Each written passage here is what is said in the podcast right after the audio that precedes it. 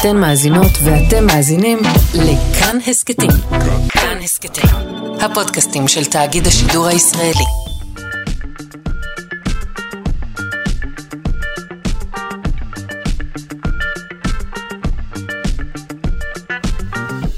שלושה שיודעים. בוקר טוב מאזיני ומאזינות כאן תרבות, אתם על שלושה שיודעים תוכנית המדע והידע של ישראל. שרון קנטור בחופשה קצרה ולכן גם היום אני, עמיתי פוקמן, אמלא את מקומה. יש לנו שעתיים מעניינות ומרתקות ביחד, לא תצטערו שהתעוררתם. נדבר על פטריות מזיעות על דג.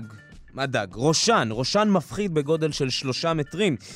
נדבר על בועות אוויר שמנקות פלסטיק מאגמים, על אלצהיימר ועל ההבדלים בין מגדרים, בין גבר לאישה כתוצאה מהמחלה. נדבר על מחקר חדש שאולי, אולי בעתיד יעזור לנו לטפל בהזדקנות, וגם על ג'ים הנסון, האיש מאחורי החבובות. אפשר להזין לנו בדרך המסורתית, דרך אה, מקלטי הרדיו ב-104.7, 105.3 וגם בדיגיטל, אם אתם אה, בוחרים באתר או ביישומון. השידור החוזר שלנו, אם תיאלצו לעזוב אותנו באמצע, הוא היום, בשעה שמונה.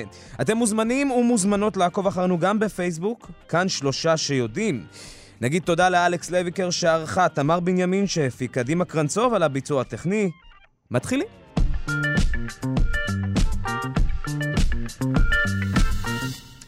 את הבוקר הזה, כמו כל בוקר, אנחנו פותחים אה, באולפן שלושה שיודעים במכון דוידסון. נגיד בוקר טוב לוורד שפירא. בוקר טוב. ביולוגית במכון דוידסון, הזרוע החינוכית של מכון ויצמן למדע, וברשותך אני כבר יכול לתת כותרת לנושא. אנחנו בפינת אה, אה, פטריות, לא מה שחשבתם, תכף הם הולכים להשתלט עלינו. פטריות מזיות. פטריות מזיות, לא, זה מין, אה, את יודעת, כן. זה כבר, זה כבר אה, אנתולוגיה של פטריות ב- בשיחות נכון. איתך. וכל פעם אני אומר לעצמי, הן הן מתפתחות. אז הפעם אנחנו מדברים על... נכון? אני לא טועה. הן הן אני חושבת מסתגלות. ש... אז הן לא מתפתחות והן לא מסתגלות, קודם כל הן היו כאן קודם, בואו נתחיל מזה, ומדובר בממלכה שלמה בעולם החי שאנחנו מדברים עליה. אמ, זה לא צמחים, זה לא בעלי חיים, זה משהו אחר, יש להן ממלכה משלהן, ואנחנו, ככל שאנחנו יודעים יותר, אנחנו סקרנים יותר. אז עכשיו ואז אנחנו... אנחנו לא- מגלים שזה באמת משהו אחר. זהו, אז עכשיו אנחנו יודעים שפטריות הן אה, יכולות להיות או, או, או מסוגלות ל, אה, לשמור על טמפרטורה קרה יותר, או שומרות על טמפרטורה קרה יותר, ולכן הן שורדות יותר זמן. כן, אז, אז ככה, יצורים חיים, יש להם בעיה, כי הם לא אוהבים שחם להם מדי, והם לא אוהבים שקר להם מדי, כי חום מאוד מאוד גבוה זה מזיק ל... ל אה, זה מבשל אותך, בוא נאמר ככה, בעברית. כן. אה, וכשקר זה מקפיא אותך, ויצורים חיים אוהבים להיות איפשהו באמצע, ויש מלא שיטות לגרום לדבר הזה לקרות. אפשר לחיות בטמפרטורות נוחות, אפשר לצנן את עצמך כשחם, או לחמם את עצמך כשקר, או לבודד את עצמך מהסביבה, יש כל מיני שיטות שיצורים חיים עושים את זה, ולא ידעו איך פטריות עושות את זה. אם בכלל. כלומר, כמו שאמרנו, זה לא צמח, זה לא אה, חיה, זה משהו אחר, ואנחנו יודעים את זה לגבי בעלי חיים ולגבי צמחים, אבל פטריות זה לא משהו שנחקר אף פעם. ואז, אז כל זה התחיל בשנות הקורונה, כשחוקר אה, אמריקאי יצא לשדה כדי לבדוק את המצלמת אה, אינפרה אדום שהוא רכש, כדי לבדוק טמפרטורות של פטריות. הוא, חש, הוא חשד שאולי הפיגמנטים על גוף הפרי של הפטריה, אה, משנים איכשהו את פני השטח, כי זה הגיוני, נכון? דברים כהים יותר, הם אה, סופגים חום, ודברים בהירים יותר, הם קרירים יותר, והוא חשב שיש לזה איזושהי משמעות. ומה שהוא גילה להפתעתו זה שפטריות באופן כללי, בלי קשר לפיגמנטים, היו קרירות יותר מהסביבה. והיו כאלה שהיו בטמפרטורה או שתיים יותר קרירות במעל- במעלות צלזיוס, אבל היו גם כאלה שהיו קרירות מהסביבה בשש מעלות. וואו. עכשיו, כן. עכשיו, יצורים, כדי לצנן את עצמם, בדרך כלל צריכים לעשות משהו. כלומר, או שאתה צריך להיות מבודד, או שאתה צריך ממש אה, להזיע כמונו, נכון? אנחנו מנדפים נוזלים, ואז הנוזלים האלה מתנדפים ומצננים את, אה, לוקחים איתם חלק מהאנרגיה ומצננים את, ה, את הגוף, mm-hmm. אבל לא ידעו איך פטריות עושות את זה. ומה שהם עשו, הם התחילו באמת לבדוק, הם התחילו לבדוק את הגבולות של, ה, של הקרירות הזאת, של הגוף הצונן יותר. אז הם בדקו קודם כל טמפרטורות שונות, הם לקחו את הפטריות וגידלו אותן בטמפרטורות שונות, והם ראו שגם כשקר יותר, עדיין הפטריות קרות יותר מהסביבה. כלומר, יש לנו כל הזמן איזשהו אפקט של קירור, אפילו כשהטמפרטורה בסביבה היא קרה יותר. למה זה? זה מעניין, כי כש, כמו שאמרת, על, על, על חום אני יכול להבין, אבל... זה כאילו הם תמיד במין כוננות כזאת של... אה, אה, ונמצאות מאחור, או נמצאות מקדימה נכון. במובן מסוים. ולא רק זה, כי הם גם גילו שיש גם, אה, הם בדקו את הגבול של הגודל, וכשהם הלכו ובדקו גדלים שונים של פטריות, והלכו עד לפטריות חד-תאיות, כמו שמרים, ובדקו, ראו שגם שם יש הפרש של מעלה, שעדיין הם קרירים יותר מהסביבה שלהם. ואז באמת השאלה הזאת של הלמה, מה היתרון של, של המנגנון הזה, מה יוצא להם מזה? וזאת המסקנה הכי יפה בכל המחקר הזה, זה שאין להם מושג מה היתרון של הדבר הזה. עכשיו, אנחנו לא יודעים... לחוקרים או לפטריות? למה, או... לפטריות כנראה בסדר עם זה, ויש שם איזשהו היגיון, אבל החוקרים עדיין לא יודעים, ויש כאן, דרוש כאן עוד מחקר, כי זה באמת משהו שלא היה ידוע קודם, אבל זה בעיקר מעניין גם איך הן עושות את זה, כי מה שהם ראו, כשהם בדקו, ניסו לבדוק אה, אה, דרגות ייבוש שונות. כלומר, הם רצו לראות האם לכמות המים שיש בפטריה, יש השפעה על יכולת הקירור שלה, והם ראו שככל שהטמפרטורה, הפטריה יותר יבשה, היא באמת מסוגלת פחות לצנן את עצמה. מה שאומר שהפטריות מזיעות.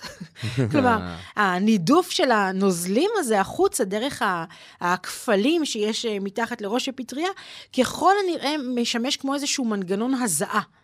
שמאפשר לפטריה להיות צוננת יותר מהסביבה. וכאן באמת, וזה מה שיפה במחקרים, שבאמת מעלים יותר שאלות מאשר תשובות. כי כאן בעצם יש דרוש מחקר של מה היתרון של הדבר הזה. יש כל מיני השערות שאומרות, אולי יש כאן איזשהו יתרון בהפצה של נבגים, אולי זה עוזר להן באיזושהי צורה. להיטמע בסביבה, אנחנו לא יודעים מה היתרון של הדבר הזה, אבל זה בהחלט נורא נורא מעניין, כי זה, כמו שאתה אומר, זו ממלכה שעוד לא נחקרה עד הסוף. אני אשאל רגע אה, שאלות של בני אדם. האם כן. אה, יכול להיות שגם יש איזשהו אפקט של ריח לתהליך ההזעה אצלם? זאת אומרת, האם גם שם יש איזשהו מנגנון כזה? אז, אז לנו, כבני אדם מזיעים, ולא כל בעלי החיים מזיעים, אנחנו די מיוחדים בעניין הזה של הזעה. Mm-hmm. לנו יש כמה סוגים של זיעה. יש זיעה לצינון של הגוף שאין לה ריח בדרך כלל, מה שאנחנו מריחים זה את המיקרואורגניזמים שחיים לנו בבית השחי ומפרקים את הזיעה הזאת, mm-hmm. ויש לנו זיעה אחרת שיש לה ריח שהיא מופקת בעיקר uh, בגיל ההתבגרות, וכשאנחנו uh, במצב של ריגוש או של פחד, וזה זיעה אחרת. עכשיו, הזיעה של הפטריות, אנחנו לא יודעים... יודעים מה עוד היא מכילה, אבל זה יכול להיות מאוד מאוד מעניין לראות האם יש עוד איזושהי הפרשה של עוד חומרים, אולי יש כאן איזה שהם מסרים שהם סמויים עדיין ואנחנו לא מכירים. ושאלה נוספת זה, האם יש לזה איזושהי... אה... אני יודע, אירוע או הופעה, תופעה כזו נוספת בעולם החי והצומח של, אה, אה של איזשהו גוף שהוא גם ככה עם כן. טמפרטורה נמוכה יותר, ויודע גם לקרר אותו, אה, זאת אומרת, יודע אפילו לבצע איזושהי פעולה אקטיבית כדי לקרר. אז הרבה יצורים עושים המון דברים כדי לקרר, זה מאמץ אמיתי.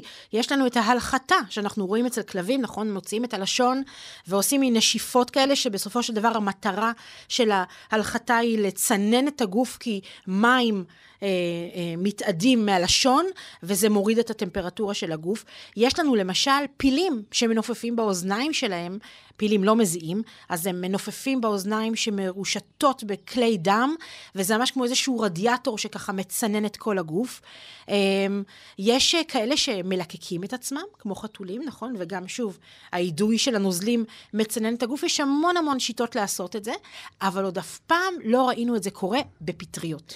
יש לי שאלת פטריה, שאלת תם של כן. פטריה, שלא בהכרח כן. קשורה, אבל אמרתי, אם כבר אני אדבר איתך על פטריות, אז אני אשאל אותך. אה, אוקיי. Okay. יש בגינה, אני עבדתי ב- ב- בסוף השבוע בגינה, uh, נקראתי לעזרת חבר, מה שנקרא, והוא הראה לי שעל הננה שלו צמחה פטריה. כן. כן. וכאילו על הנבגים שלה, המשיכה לצמוח הננה, זה כאילו הננה פרצה את הפטריה, אבל היא לא באמת פרצה את הפטריה, אלא היא צמחה מעל הפטריה שוב. האם אני יכול לאכול את, את הננה הזו, או שאני פשוט עדיין בהשפעת לסטובס, זה הכל, כל הפטריות התחילו להפחיד אותי. את הננה אתה יכול לאכול. פטריות אנחנו לא אוכלים בדרך כלל אם אנחנו לא ממש טובים בלזהות אותן ולדעת שהן אה, ראויות למאכל. ואיך זה קורה בכלל שאנחנו... שהננה ממשיכה לצמוח מעל הפטריה? אז בוא אני אגלה לך סוד, צמחים ופטריות הם חברים מאוד טובים.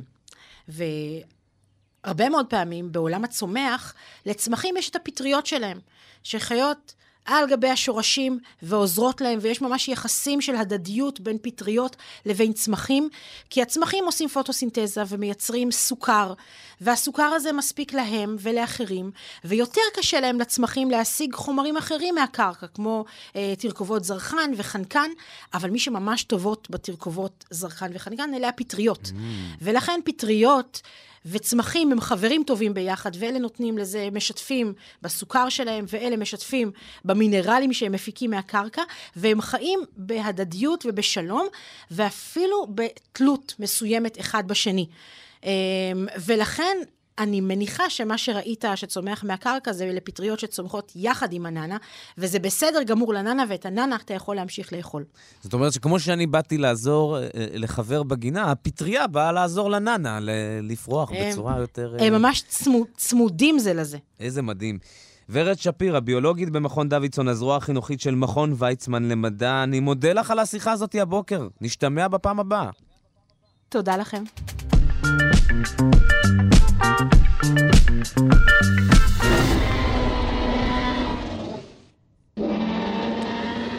אם זה מפחיד אתכם, אתם יכולים להירגע, הוא כבר לא חי, אבל בתקופתו הראשן מהגיהנום היה טורף מפחיד ואכזרי.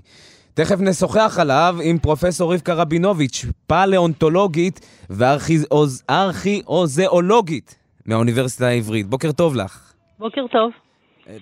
לא טעיתי, או שכן טעיתי, לא יודע. טוב, תכף נ, נ, נתחיל לברר. אז מי הוא אותו ראשן מהגיהנום שנראה כמו איזה החלאה בין תנין, כריש, דג, דינוזאור, הכל מהכל? הפלגת, הפלגת מאוד. אז בואו בוא, בוא נראה קצת לקרקע. קודם כן. כל, אה, זה... אה, אל, אלו שרידים של מאובנים שכבר ידועים די הרבה שנים, והם נמצאו בתקופת ה... מה שנקרא פחם בעברית, הקרבוניפור, mm-hmm. שאנחנו מדברים לפני 350 עד 300 אה, אלף מיליון שנה לפני זמננו. אה, זה, זו תקופה מאוד ארוכה, עד, עד כן, 292, לא, לא נספור עכשיו את המיליונים, וזו תקופה שכדור הארץ כמובן, כמו שאני כל פעם מסבירה, היה שונה ממה שאנחנו רואים היום מבחינת היבשות, הייתה דווקא יבשת דרומית מאוד גדולה, יבשת צפונית שהייתה בהתחלה איים ואחר כך התגבשה ליבשת אחת, היה את הים תטיס בין שניהם, והיו תקופות של יותר חם, והיו תקופות של, שבחלק הדרומי הגדול יותר היו קרחונים, ואנחנו מכירים את זה בגלל היווצרות של הכבול, כן? בגלל הפחם. Okay. כל, אוקיי. כל בעצם אה, בצרי הפחם בעולם נוצרו בתקופה הזאת. תחשבו מה הפחם השפיע על, על ההיסטוריה האנושית, mm-hmm. זה הרקע. בתקופה הזאת היו הרבה מאוד בעלי חיים, צריך לזכור, היו דגים מאוד מפותחים, היו קיפודי ים, היו ברכיופודים, זה סוג של יצור שחי במים, היו את הטרילוביטים שנכחדו בסוף התקופה, היו אלמוגים, היו ספוגים, ואנחנו מדברים על, על עושר רב של מינים שהיו. ביבשה כבר התחיל להיות צומח, הרבה צומח, אפילו זאת התקופה שיש בה את החרקים הכי גדולים, וההסבר לחרקי ענק האלה, שכנראה היה יותר חמצן זמין, ולכן החרקים האלה יכלו לגדול לגודל כזה, שאנחנו לא מכירים היום חרקים בגודל כזה. כאשר יש גם מה לאכול על יבשה, יש להניח שהיבשה גם כן, חוץ מחרקים, יגיעו עוד יצורים. וזאת בעצם התקופה שמתחילים לראות דו-חיים, שהם היו מאוד מאוד שונים מהדו-חיים המודרניים, אנחנו בעצם לא יודעים לשים קשר טוב מספיק בין הדו-חיים הקדומים מאוד לדו-חיים המודרניים. שהם נראים אחרת, מה שמשותף להם, שהם גם כן היום מאוד מגוונים, זה שיש להם איזשהו שלב בחיים שהם חייבים אה, סביבה של מים, יש כאלה שיותר או פחות, בשלבי ההתפתחות שלהם בשלבים מסוימים, ושוב, גם היום הדו-חיים יש משרה מאוד גדול מי תלוי או יותר בגורם של המים. כאשר הדו-חיים האלה התפתחו מדגים שאני קוראת להם בעברית שמנמני הספיר, הסנפיר, זאת אומרת כבר, כבר היו התחלות של עצם בגפיים אה, הקדמיות והאחוריות, ואפשר היה אחר כך לפתח, שיוכלו להתפתח יצורים שיצאו ליבשה, ואיכשהו יסחלו על היבשה, לא, לא ממש ירוצו, ואלה נקראים טטרפודה, ארבע גפיים. פה אנחנו נמצאים, היצור הזה, הקרסיגירינוס קוטיקוס, הוא בעצם טטרפוד שמאוד נזהרים להגיד לו משהו אחר חוץ מזה, הוא אפילו קבוצת בסיס, stem, קבוצת בסיס של טטרפודה, ומה שידוע עד עכשיו ממנו זה כמה וכמה חלקי גולגולת מאוד מרשימים, וכמה וכמה גם גפיים, וקצת חוליות, וגם צלעות. וזה זה, הכל מתקשר ביחד. הגולגולת ראיתי, ראיתי את המאובן, אבל, אה, ואני יכול לראות, אפשר לראות את השיניים, ואפשר לראות mm-hmm. שמדובר במפחיד, אבל אז רואים את הגפיים שלו, mm-hmm. ואומרים, טוב, אז, נו, עד כמה אתה יכול להפחיד אחד. עם הגפיים האלו? זה כאלה, אז בואו נלך אחד. זה דג בעצם עם יצור, ידיים ורגליים. כן, מדובר על איזה יצור באורך של שניים עד uh, שלושה מטרים. אה, אוקיי, אז זה מפחיד, אוקיי. ומה שקרה זה שבאמת יש, מה שאנחנו מכירים היום כאילו חוסר פרופורציה בין גודל הראש העצום לשאר הגוף. אבל אנחנו מכירים עוד מינים כאלה במים ואפשר להסתדר אחרת. ומה שהמאמר הזה, שאתם הפניתם, אבל גם הסתכלתי על דברים קודמים, מדובר על כך שבעצם אה, באמצעות שיטות, עוד פעם, השיטות של הדמיה, השיטות של ה-CT, יכלו לחבר מארבע גולגלות ולהבין סוף סוף איך נראית גולגולת אחת. זאת אומרת, היו חלקים שונים בגולגלות השונות ויכלו לחבר ולהבין את התמונה הכללית. והתמונה הכללית מאוד מאוד מורכבת. אנחנו מדברים על גולגולת שמורכבת מהרבה מאוד uh, חלקי עצם, שזה אופייני לקבוצות האלה. אצלנו הלסת התחתונה זה עצם אחת, זה בכלל לא ככה אצל, אצל אה, דו-חיים. אצלם מה, זה מחובר?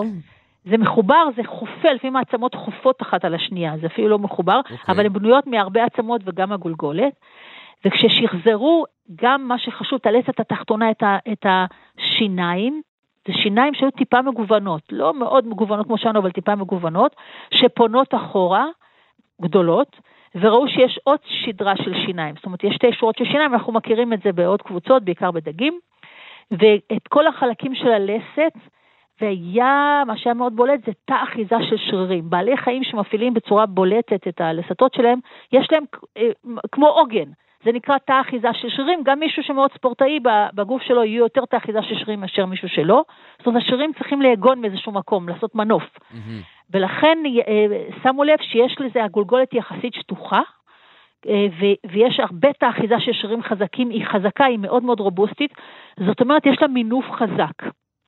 ומכאן כביכול הדמיון לתנינים, זאת קפיצה גדולה, תנינאים באופן כללי, כי תנינים קדומים היו אחרים, אבל הלסת החזקה הזאת, בשילוב עם השטיחות של הגולגולת, בשילוב עם התא האחיזה של השרירים, הביאו להכרה שמדובר פה על בעל חיים שכנראה תפס דברים בסמוך למים, טורף, טורף אקטיבי. בסמוך למים, זאת אומרת לא בהכרח רק במים, גם הוא לא יודע... לא בהכרח, בסמוך למים, והשאלה היא איך הוא ידע לזהות. זאת אומרת, עכשיו מה שמעניין אותנו זה איפה הנחיריים, והיום היו, לנו, היו לו אברי ריח שבאמצעותם הוא יכול היה לזהות. כן היו לו עיניים מאוד גדולות לפי השחזור הזה. אז, אבל אנחנו צריכים עוד דברים חוץ מה, מהעיניים המאוד גדולות, אנחנו, וזה כבר הנחה, על זה אין, אין עוד אה, מידע מספק. וגם הגפיים זה הנחה? לא. הגפיים נעשה אה, לפני כמה שנים אותו ניתוח פרטני באמצעות ההדמיה של ה-CT, ושחזרו את החוליות, שגם החוליות יש להן מאפיינים נגיד מאוד קדומים מצד אחד, וגם הגפיים, אנחנו יודעים, היו גפיים מצד אחד קצרות אבל מאוד רובוסטיות, זאת אומרת, הוא יכול היה לנוע אה, לא רע במים בסך הכל, ופשוט הוא היה מין, מין די טורף על. הייתה לו אפשרות, אני, אני אנסה רגע לתאר את זה למאזינים והמאזינות שלא רואים את התמונה כרגע לנגד העיניים, שלפחות היא פתוחה במחשב שלי, זה מין דג ענקי, באמת ענקי, כמו שאמרת, לא פרופורציונלי בראש לבין הגוף, ומגופו גפיים תחתונות וגפיים עליונות קטנות קטנות, ממש לא פרופורציונליות. לא פרופורציונליות. אז השאלה, אם יכל, נגיד, האם הוא יכל להשתמש בהם כמו שהתנין משתמש בגפיים שלו, וגם ללכת מחוץ ל... הוא למים. רק יכול היה מין, מין כזה להיזחל על החוף כמו איזה, צ... כמו איזה צ... צו מים, כן. על מי הוא איים? הוא, על דגים אחרים, על, אה, על זוחלים ימיים אחרים. Mm-hmm. היה לו מה לאכול. אה, רכיחות גדולות, המוניטים, בעצם מצאו פרטים שבבטן שלהם היה מזון. אה. הוא יכול היה לאכול את כל הדברים האלה, כן, כן, בהחלט, הוא יכול היה לאכול את כל הדברים האלה. ומי היה מעליו בשרשרת המזון? לא, היו, היו דומים לו. מה שקורה, הבסיס הזה של הטטרפודה, אה, יש כמה וכמה אה, משפחות או סוגים נוספים שהם גם לא קטנים ומאוד מוזרים. מאוד מוזרים. זאת אומרת, זה משהו שאנחנו, קשה לנו, אין לנו למה להשוות היום, נכון? אז אנחנו לכן נעזרים בכמה וכמה יותר אמצעים ויותר ויותר אה, מידע שיש כדי להבין איך הם נעו, כן? השלב הבא, מה שהם יעשו, הם יעשו מידול לראות איך הם נעו. שחזרו קודם כל את איך זה נראה, mm-hmm. ממה זה מורכב, ואז עכשיו צריך להמשיך את המידול. עכשיו, יש איזה חיה, אה, כרישים, תנינים, מאותה, ש, שהם פגשו את אותו... אה, אה, אה... בטח, בטח, כי, כי בקיבה שלו, זו תקופה שיש בה גם כרישים וגם, וגם דגי גרם. אז בקיבה שלו הם כבר פגשו אה, שרידים של חיות שונות. מעניין. כי מעניין. הדגים עוד התחילו קודם בדבון. והיה מגוון, קודם כל היו גם דגים משונים, זה לשיחה אחרת, היו גם דגים עם שריון. אז זו תקופה של מגוון עצום, עצום, עצום, כמה שהיום הוא עצום, עוד יותר עצום. וואו, איזה מרתק זה. זה מאוד מרתק, ומה שמרתק, שעכשיו השאלות כבר יותר פרטניות. אוקיי, יש לך לסת חזקה תחת השרירים, אבל צריך עוד כמה תכונות, עיניים גדולות, איפה העיניים ממוקמות, איפה למצוא את הנחיריים, כמו שיש אצל תנינים, יוצאים לנשום. אז אלה דברים שאולי יתבררו בהמשך. גם יש עוד, עוד שלב בהמשך, וירוסים, איך הם מתמודדים, איך הם, 아, אה, זאת אומרת, זה גם, זה גם שאלה, מרתק. זאת שאלה שמאוד מעסיקה, נכון. אה, לחלוטין. וירוסים, והאם וירוסים שהדביקו אותם יכולים עדיין להדביק דגה, ועדיין יכולים, זה, יש פה כל כך הרבה, טוב, עוד שנים דברים. ושנים של מחקר. פרופסור רבקה רבינוביץ', אני מודה לך על השיחה הזו. בבקשה.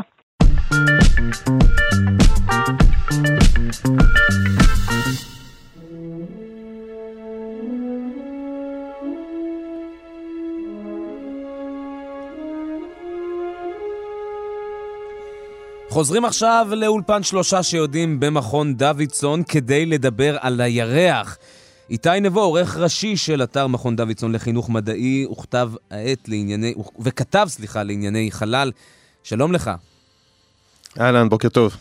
אז עד עכשיו לא ממש ידענו מה יש בפנים, בליבתו של הירח, והנה מחקר חדש מגלה שיש ליבה מוצקה ממש כמו שלנו, של כדור הארץ.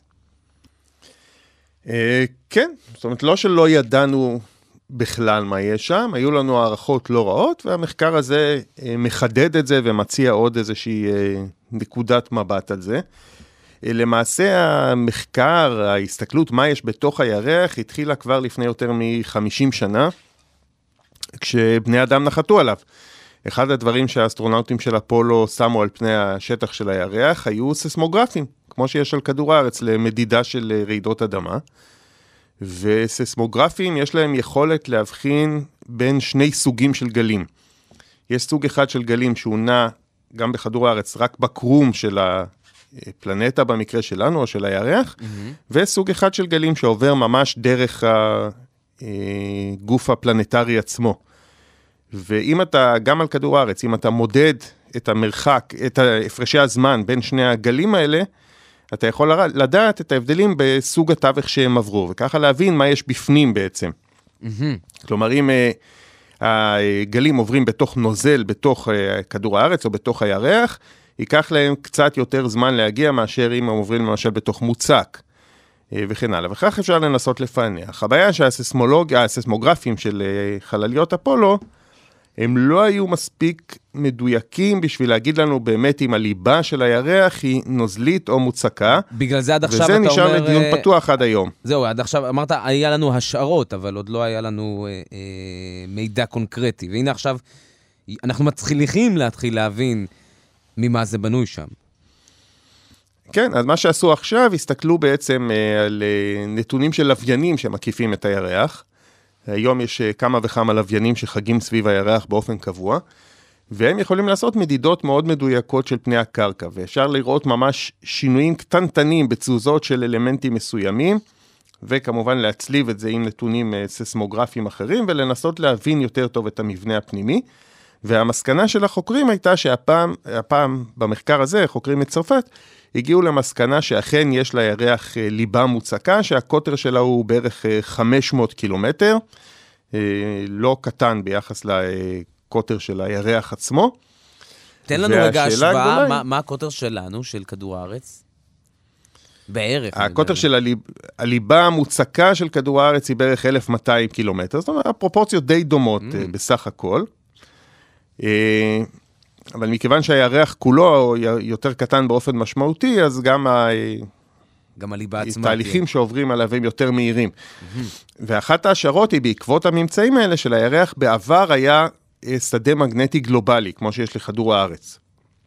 אוקיי. השדה המגנטי שלנו, הוא מגן עלינו מפני קרינה שמגיעה מהחלל, הוא יוצר את אה, מה שנקרא חגורות ונלן, שלמעשה מסיטות חלקיקים שמגיעים אה, מהשמש וממקורות אחרים, מסיטות אותם לכתבים, זאת הסיבה שאנחנו רואים את זוהר הקוטב, למשל, כשהחלקיקים האלה בסוף פוגשים את האטמוספירה. Mm-hmm. על הירח כמובן אין אטמוספירה, אבל יכול להיות שהיה לו שדה מגנטי כזה. אנחנו יודעים שהייתה פעילות מגנטית על הירח. יש היום, אה, כשמסתכלים על הירח עצמו, על הסלעים שלו, יש שדות מגנטיים קטנים, מקומיים, חלקם יותר קטנים, חלקם יותר גדולים.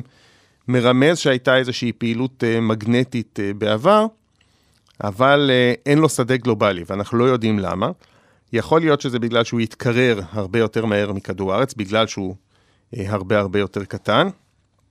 יכול להיות שזה מסיבה אחרת, אבל הגילוי הזה שיכול להיות שיש לירח, או כנראה יש לירח גם ליבה מוצקה, הוא מעלה הרבה, הוא שופך אור חדש על הרבה דברים שקשורים בכלל למבנה הפנימי של הירח ולפעילות שלו, שלו ושמתרחשת על פניו, ולתהליכים שהובילו להיווצרותו. ו- ואתה אומר שכל זה הצלחנו לגלות באמצעות לוויינים שהם לא באמת נוגעים, נכון, בקרקע של הירח, אלא זה גלים uh, שנשלחים ממרחק מה? כן, לוויינים שחגים סביב הירח, הם יכולים למדוד עם uh, מקמי לייזר, מיקומים מאוד מדויקים כן, שיש... כן, זה, uh... זה, זה לא מעלה שאלות לגבי האם אם נשלח באמת איזושהי גבשושית כזו ש, שתנחת ותתחיל לחקור על הקרקע, זה, זה לא יסתור קצת דברים? או שאנחנו נמצאים היום בטכנולוגיה כזאת שזה מספיק? יכול להיות, המדע כל הזמן מתקדם, יכול מאוד להיות שכשנגיע נגלה דברים חדשים. אני אגלה לך בסוד, אבל בתנאי שלא תגלה לאף אחד. שאנחנו גם לא יודעים באמת איך נראית הליבה של כדור הארץ, למרות שאנחנו חיים עליו כבר uh, מאות אלפי שנים. אנחנו רק יכולים לשער על סמך כל מיני דברים. יש לנו המון מכשירי מדידה, אנחנו הצלחנו אבל לתקוע דברים לעומק של כמה עשרות קילומטרים מקסימום, מתוך uh, אלפים, שזה הקוטר אה, של כדור הארץ. אז... על מה זה עוד משפיע? הסת... דיברת על השדות המגנטיים, ואנחנו יכולים להבין על ההתקררות של הכוכב הזה. מה עוד אנחנו יכולים להבין מליבתו, מגודלה ומהחומר שהיא מורכבת, וזה שזה דומה לכדור הארץ? אנחנו יכולים לשער אילו תהליכים גיאולוגיים עברו על הירח בשלבים המוקדמים והיותר מאוחרים של היווצרותו, ולנסות להבין מזה, למשל, אילו דברים אפשר למצוא עליו, איפה יש יותר סלעים געשיים, איפה יש יותר חומרים אחרים. אה, יום אחד כשנרצה אה, להקים מושבות על הירח או לקיים שם איזושהי פעילות ממושכת, אנחנו נרצה לדעת למשל איפה יש קרקע יותר עשירה בברזל ואיפה יש קרקע יותר עשירה באלומיניום. אה, אם נרצה להפיק את המתכות האלה שם, או להפיק חמצן מהתחמוצות שלהן. אז זה נותן איזשהו בסיס ראשוני למידע גיאולוגי קונקרטי שנוכל להשתמש בו על פני הירח ולנסות לשרת את הצרכים שלנו. לא... מעבר כמובן ל... זה לא רק איזה שהם אה, אה, אה, כל מיני הידעת, זה ממש מידע קונקרטי לקראת אה, ההמשך ההתפתחות שלנו לכיוון הכדור הזה. זה משלב את שני הדברים, כי קודם כל יש לך פה מדע בסיסי של לנסות להבין איך נוצרים גופים פלנטריים כאלה ואיך הם מתפתחים ואילו תהליכים מתרחשים בהם. ובסוף השרשרת הזאת יש גם מידע שאתה יכול לגזור אותו לשימושים מסוימים שתצטרך. זה לא רק דברים שנוכל להפיק, אנחנו נצטרך למשל, אם נרצה לנווט על הירח, אנחנו נצטרך להכיר את השדות המגנטיים המקומיים שלו הרבה יותר טוב. או אפילו אם נרצה להפעיל שם איזושהי רשת תקשורת, נצטרך לדעת איפה יכולים להיות השיבושים שלה, או איפה הקרקע מתאימה לחפירה או להנחת כבלי תקשורת, או לבנייה, או לחציבת מערות שנרצה לגור בהן. אה, איך מקום יודע, איך לעשות... אני יודע שאני מדבר עם uh, כתב לענייני חלל? כי המרחק שבו אנחנו הלכנו מלגלות את הליבה לבין איך שתיארת לי עכשיו את המושבה, ובעיניים שלך אני מאמין שאתה רואה את המושבה שלנו כבר על הירח, זה היה שלוש דקות בערך. בעיניים שלי אני כבר גר במושבה הזאת. וזה בדיוק למה זה כיף, כי עכשיו כשאתה תיארת, גם אני הצלחתי כבר ל- ל- אה, לראות את עצמי שם. אז, אה, אז זה, זה מדהים איך בתוככם, אה, אנשים שמתעניינים בחלל ו- ו- וחיים את זה, אתם כבר רצים אה, אה, אה, עשרות אלפי שנים קדימה, אפילו לא מאות, זה, זה מדהים. איתי נבו. אני רק אגיד שאני ישן ליד החלון. אני, זה על פי הפרפרזה לשאולי, אני, אני גדלתי ליד חלון. איתי נבו, עורך ראשי של אתר מכון דוידסון לחינוך מדעי וכתב לענייני אה, חלל. תודה רבה לך. תודה, יום נהדר.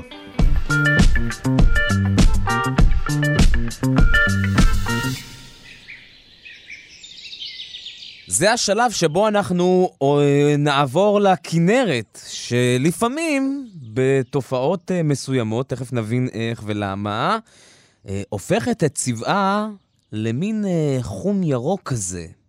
מי שגר בסביבת הכנרת מכיר את זה. נשוחח על השינוי הזה, למה הוא קורה ואיך בני האדם משפיעים על זה, עם דוקטור עדי לוי, ראש התוכנית לתואר שני בקיימות במרחב העירוני והכפרי במכללה האקדמית אחווה. וחבר הוועד המנהל באגודה הישראלית לאקולוגיה ולמדעי הסביבה. שלום לך, דוקטור לוי. היי, בוקר טוב. אז איך זה קורה שהכינרת, יש לה מין צבע רגיל, טורקיז, אה, פתאום משתנה לחום ירוק כזה? אה, למה זה קורה? אוקיי, okay, אז קודם כל, אה, מה שאתה מתאר זאת פריחת אצות. וספציפית אה, מצב כזה בכנרת בדרך כלל מתרחש לא על ידי אצות, אלא על ידי ציאנו-בקטריות, שאלה חיידקים, אה, בעצם קדומים מאוד, קבוצה מאוד קדומה של חיידקים, שלמדו לעשות פוטוסינתזה, ואחראים אה, לחלק גדול מהחמצן שאנחנו נושמים היום, והאמת שהם אחראים בכלל גם ל...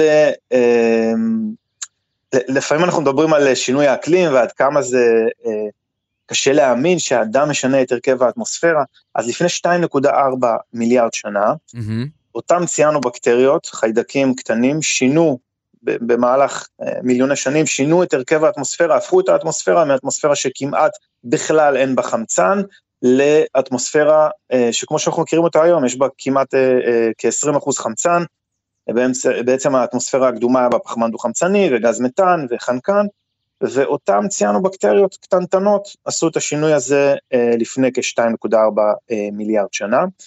רגע. אז אני, אני מנסה להבין, יש תופעה של אה, שעצות, או שינוי בגוונים מסוימים, הרבה עצות מסוימות, הן מייצרות צבע שונה למים, לאגם. פה אנחנו מדברים על יש איזה שהם חיידקים, ציאנו-בקטריה, קראנו להם, שהן מכילות אה, איזושהי תרכובת שמה, משנה את, את הצבע של המים, את פני המים עצמם? לא, אז אה, בעצם השינוי בצבע פני המים זה פשוט בגלל שיש שם הרבה מאוד אצות, או הרבה מאוד אה, ציאנו בקטריות בעברית כחוליות. כחוליות. שוב, הן לא, הן כחוליות, כן, מכחול. הן, הן לא אצות, הן חיידקים פוטוסינתטיים, אבל הם בעברית ככה נכללים לפעמים ב, כאצות. העין שלנו, העין אה, שלנו תראה אותן או רק אה, תחת מיקרוסקופ? אז זה מאוד תלוי אה, איזה, יש כאלה שהן גדולות יחסית, והתאים הקטנים ביותר הם, הם בגודל של חיידקים זעירים, קוטר mm-hmm. של שני, אה, שני מיקרומטר, שתי אלפיות המילימטר. וואו. אה, אנחנו מוצאים תאים קטנטנים כאלה במי ים, למשל, באוקיינוס, יכולים להגיע לריכוז של 100 מיליון תאים כאלה, ובאזורים טרופיים הם אחראים ל-80% מהפוטוסינתזה, גם היום. ציינו בקטריות שנקראות סינכוקוקוס ופרוכלורוקוקוס, שמות קליטים וברורים, אבל כן, אז ציינו בקטריות גם היום אחריות לחלק גדול מהחמצן שאנחנו נושמים, ומה שאתה מדבר עליו בכנרת בסך הכל זה אה, כשמתרחשת פריחה של אצות, פריחה זה פשוט אה, התרבות מאוד מהירה ויצירה אה, של ממש שכבה כזאת על פני המים, ויש תנאים מאוד מסוימים שמאפשרים היווצרות של פריחות כאלה. זהו, דיברת, על, דיברת על שינוי אקלים ודיברת על זה שאנחנו השפענו על זה, תתאר לי רגע את המהלך הזה. אז באופן עקרוני נדבר עוד רגע על מחקר בגרמניה שממש מראה בצורה מאוד יפה איך uh, האדם לפני אלפי שנים כבר התחיל להשפיע על, uh, על ציאנו-בקטריות והריכוז שלהם, באגמים, אבל אם אנחנו מדברים בכלל באופן כללי על פריחות של אצות, הן בדרך כלל נוצרות שטמפרטורת המים גבוהה יחסית, ולכן גם שינוי אקלים והתחממות של, של מאגרי מים ואוקיינוסים יכולים, יכול להשפיע על תדירות של פריחות. אזורים שבהם יש מליחות נמוכה, מים מתוקים כמובן, זה לא רלוונטי נושא המליחות, והכי חשוב זה שני דברים, אחד זה ריכוז נוטריאנטים אופטימלי, בעצם איזושהי העשרה בנוטריאנטים, אם זה באופן טבעי או באופן שנגרם מפעילות האדם, למשל מדשן חקלאי או מביוב או מדברים אחרים, בעיקר חנקן וזרחן כמובן שדרושים להאצות כדי להתרבות מהר, וכמובן צריכים תנאי תאורה אופטימליים ופני ים או אגם שיהיו שקטים יחסית עם איזשהו כוח חלש שירכז את האצות לאיזשהו כיוון מסוים, למשל זרם חלש או רוח קלה לכיוון החוף, ואז אנחנו רואים ממש כתמים, כתמים מאוד שמחים. אז ו... בהקשר הזה הכנרת היא אידיאלית, גם הזרמים, גם הרוחות. נכון. גם הבריזות ו- וגם סך הכל זה, זה אגם די שקט. אולי בקיץ, אתה יודע, כשבאים כל, ה- כל בני אדם מהסביבה ועושים שם רעש, אבל חוץ מזה... יש תנאים עונתיים, כן, יש תנאים עונתיים בכנרת ש... ש... רוחות מזרחיות בעיקר, שהופכות אותה למאוד סוערת, אבל בדרך כלל היא אגם יחסית שקט. ו... אחד הדברים המשמעותיים בכנרת זה ריכוז הנוטריאנטים, אנחנו משחקים כל הזמן עם המפלס, שואבים, עוצרים שאיבה, אבל ריכוז הנוטריאנטים הוא אה, בעצם אה, תוצר בין השאר גם של פעילות האדם, מכיוון שאנחנו ייבשנו את אה, אגמון, או מה שהיה פעם, אגם החולה, mm-hmm. נותר מזה איזושהי פיסה קטנה של אה, אגמון, ואותו אגמון החולה, או אגם החולה קדום, היה בעצם, שימש כפילטר, בעצם המים שהגיעו מהירדן שקעו שם, כל החלקיקים, כל העומס האורגני שהגיע עם הנחלים, שקע שם לקרקעית, והמים זרמו נקיים יותר לכיוון הכנרת. אנחנו ייבשנו אותה, אותו בשנות ה-50, ובעצם מאז יש הרבה יותר סחף, הרבה יותר חלקי קרקע, גם עם דשן, ו... חומר אורגני בכלל שנסחף ומגיע אל הכנרת, ולכן ריכוז הנוטריאנטים שם גם אה, עלה באותם שנים. זאת אומרת שייבוש האגם, האגם החולה בשנות ה-50, הוא זה שהוביל אה, לעלייה כזאת גדולה בציאנובקטריה, בכחוליות בכנרת? יש לו, יש לו השפעה על זה, כן, בהחלט יש לו השפעה על זה. כמובן שגם התחממות המים וגם... אה, מקורות נוספים אה, שמכניסים דשנים, אה, חקלאות בסביבה, דברים נוספים, אה, כשמדשנים בעודף ויש סחף של קרקע, אז זה בעצם יכול להגביר פריחות. טוב, אני אגיד עכשיו משהו פרובוקטיבי שאני ארצה שתעמיד אותי במקום אם אני לגמרי שוגה. Okay. האם זו לא תוצאה חיובית של התחממות, ה... של התחממות כדור הארץ, של שינוי אקלים, של מה שאנחנו מכנים בדרך כלל נזקי בני האדם בטבע? הנה משהו שהוביל לכחוליות, לעלייה בציאנו-בקטריה בכנרת. אז קודם כל, אה, מבחינה, אה, אנחנו שינינו את הטבע בגדול, אבל אה, מחקר שהתבצע בגרמניה כבר בדק 4,000 שנה אחורה מה קרה באגם, אגם שנמצא בין אה, אה, ברלין להמבורג, אה, מצא שם שכבר לפני 4,000 שנה בני האדם השפיעו על ריכוז הציאנובקטריות באותו, באותו אגם, בעצם התחילה שם חקלאות, התיישבות מסביב באותם שנים, כריתה של עצים, סחף של קרקע עם הפרשות של בעלי חיים ובני אדם, והיה שינוי מאוד משמעותי, קפיצה משמעותית ב... אה, כמות הכחוליות, כמות הציאנובקטריות, וזאת השפעה גם לפני שהיינו מתועשים והשתמשנו בדשנים בכמויות גדולות וכו'. אבל uh, הבעיה עם פריחות של אצות uh, ופריחות ציאנובקטריות באופן ספציפי, כן. קודם כל חלקן רעילות, ברגע שהפריחה מגיעה לריכוז גבוה, הציאנובקטריות מרגישות סביבן כמות גדולה של ציאנובקטריות, הן מתחילות להפריש רעלנים, שיכולים להיות מסוכנים לדגה, מסוכנים לבני אדם לפעמים. אה, אנחנו פחות חווים את זה פה בכנרת, אבל אה, אפילו בנחלים אה, יש ציאנובקטריה שיכולה, שנקראת מיקרוציסטיס, שרואים אותה לפעמים בנחל אלכסנדר, יכולה גם לייצר רעלנים, וזאת בעיה כמובן שיכולה להיות משמעותית, אם היא באמת הופכת לפריחה רעילה. ועוד בעיה של פריחות בעצם, פריחות האצות מכסות את פני המים, בעצם חוסמות כניסה של קרני שמש לעומק המים, וככה בעצם פוגעות בכל יצור פוטוסינתטי אחר שנמצא בעומק המים. ובלילה, בגלל הצפיפות הגדולה, הן צורכות המון חמצן, הן נושמות. והן יכולות להוביל פריחות כאלה למצב שבו יש מחסור בחמצן ממש באותו גוף מים, למשל בנחלים, אנחנו רואים את זה הרבה פעמים, ופשוט תמותה של דגים ותמותה של הרבה מאוד בעלי חיים בגלל מחסור בחמצן בלילה. אז פריחות כאלה הן לא דבר חיובי, הן יכולות להתרחש גם בצורה טבעית, בעיקר באוקיינוסים או בגופים, גופי מים קטנים שיכולים להזדהם גם באופן טבעי, אבל uh, uh, פעילות האדם פה היא מאוד מאוד משמעותית בעלייה בתדירות הפריחות שאנחנו רואים באגמים, בנחלים וגם באוקיינוסים. זאת אומרת שאם אני מבין נכון את מה שאתה אומר, כי, כי כן הזכרת את, ה, את השינוי שנעשה באטמוספירה לפני שני מיליארד או יותר משני מיליארד שנים, בזכות אותם... ש, כן, בזכות... וההשפעה של הציאנובקטריה על האפשרות בכלל לחיים בכדור הארץ, אז יש איזשהו אה, אה, גבול. של חומציות שהיא טובה, וכשאנחנו חוצים את זה, זה מה שהופך את הכל למסוכן, ופה בעצם אנחנו לא תמיד יכולים לווסת, ולכן עדיף לא להתערב ולא להרוס. זה לא קשור לחומציות, זה, התכוונת אולי לחמצן, חמצן, סליחה, כמות סליחה, של חמצן, כן. או, כן. כן. אז מבחינת החמצן, דרך אגב, כיום אנחנו על בערך קצת פחות מ-21 אחוז, אבל uh, היו תקופות שריכוז החמצן היה עוד יותר גבוה, וזה אפשר גם בעלי חיים הרבה יותר גדולים, uh, אבל בסופו של דבר ריכוז החמצן התייצב פחות או יותר על מה שאנחנו uh, uh, מכירים היום, ולאותן uh, פריחות, הבעיה עם אותן פריחות, הן לא באמת בסקאלה גלובלית, הן לא משפיעות על רמות החמצן uh, אלא נקודתי. באוויר, הן מאוד נקודתי באותו. גוף מים, באותו אזור, למשל אם זה נחל, אז זה מאוד משמעותי, והן פשוט פוגעות בכל מה שחי בסביבה שלהם מתחתם, גם אם הן רעילות וגם אם לא, בגלל אה, צריכת חמצן מאוד גבוהה בלילה, מהמם. שגורמת לאנוקסיה, למחסור בחמצן.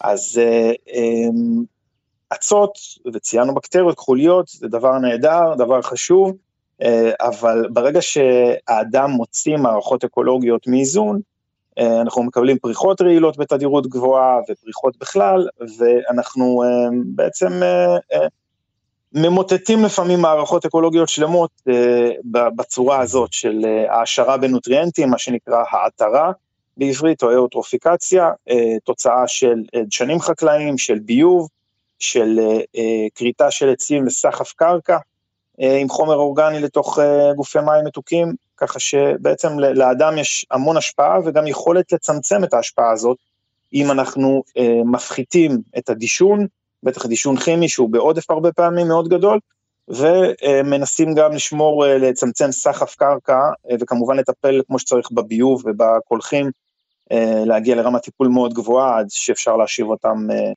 אפילו למים טבעיים. טוב, נגענו בזה, בזה ממש בקטנה. מי שרוצה או רוצה להרחיב, אז יש כתבה נורא מרתקת שפורסמה על ידי זווית, סוכנות הידיעה למדע וסביבה, ואנחנו מזמינים אתכם ואתכן להמשיך ולקרוא על הנושא הזה, על אותן אה, ציאנובקטריה שמשנות את הצבע בכנרת, ובכלל אה, יש להן השפעה אה, נקודתית על נחלים ועל אה, אה, מקורות מים. דוקטור עדי לוי, תודה רבה לך. תודה לכם.